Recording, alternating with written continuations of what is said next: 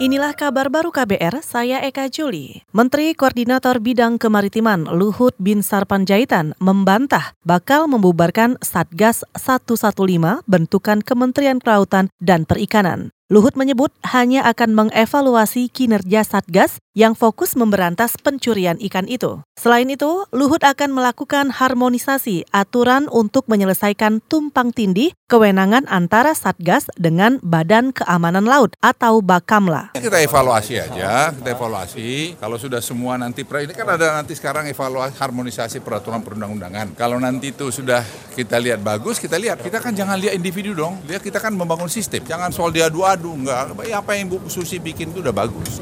Iya, karena Coast Guard itu tidak penuh anu dia kewenangan dia sebagai Coast Guard. Ya, jadi bukan salah dia. Kita yang salah yang membuat dulu. Kita akan harmonisasi jadi kewenangan yang ada di perhubungan harus dia ada ke dia. Jadi dia akan kuat sekali nanti. Menko Kemaritiman Luhut Bin Sarpanjaitan meminta tidak ada pihak yang membenturkan dirinya dengan Menteri Kelautan dan Perikanan Susi Pujiastuti. Sebelumnya, Luhut menyebut tidak membutuhkan keberadaan Satgas 115 dalam memberantas pencurian ikan. Menurutnya, tugas itu bisa dijalankan oleh Bakamla.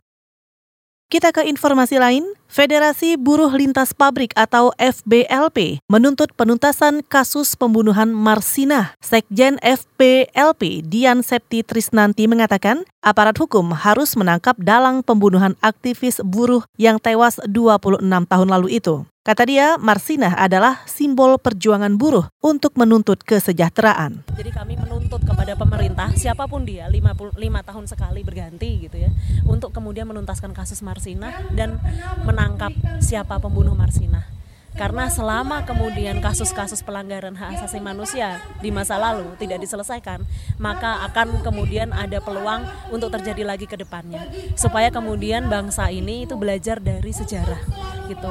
Jadi bangsa Indonesia itu harus berani menghadapi masa lalu, menuntaskan pelanggaran hak asasi manusia.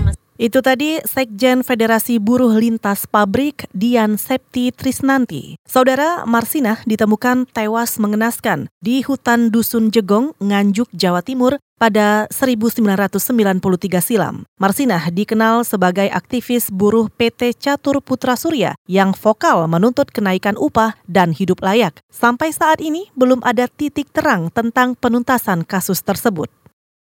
Kita ke Jawa Tengah. Pemerintah Kabupaten Rembang bakal menertibkan ribuan warung kopi tidak berizin. Selengkapnya bersama reporter radio jaringan Musyafa dari Radio R2B Rembang. Hampir seribu usaha warung kopi di Kabupaten Rembang, Jawa Tengah tidak mengantongi izin. Padahal mereka sering dianggap mengganggu ketentraman masyarakat. Teguh Mariadi, Kepala Bidang Ketertiban Umum, Ketentraman Masyarakat dan Penegakan Perda Satpol PP Kabupaten Rembang memastikan setelah lebaran nanti, pihaknya akan mengintensifkan ketentuan perda ketertiban umum. Jika satu dua kali himbauan tidak diperhatikan, maka Satpol PP akan menindak. Saat ini, Satpol PP menyiapkan dua orang penyidik pegawai negeri sipil PPNS. Hampir seribu warung kopi yang ada di Rembang itu tidak ada izinnya semua. Saat mungkin setelah lebaran, kita lakukan kegiatan-kegiatan rutin lah untuk selalu mengingatkan, mengimbau kepada kalau sudah kita himbau sekali dua kali tidak kita hindarkan proses SOP kita jalan penertiban satpol bisa maksimal untuk menjaga ketertiban hukum memang itu amal undang-undang Teguh Mariadi, petugas Satpol PP di Kabupaten Rembang. Teguh menambahkan menjamurnya warung kopi yang melenceng dari norma aturan harus disikapi lebih tegas. Alasannya semakin banyak pelanggaran yang terjadi. Mulai dari belum berizin, nekat menjual miras, suasana yang remang-remang, dan jika memutar musik sangat keras sehingga mengganggu masyarakat. Musyafa, R2B Rembang melaporkan untuk KBR. Kita ke berita olahraga. Tim bulu tangkis Indonesia hanya mengirimkan satu wakil di ganda putri Piala Sudirman 2019 yakni pasangan Gracia Poli dan Apriani Rahayu. Satu nama lagi masuk sebagai cadangan, yakni Ni Ketut Mahadewi Istarani. Kepala Pelatih Ganda Putri PBSI Eng Hian mengatakan Gracia dan Apriani memiliki prestasi paling stabil.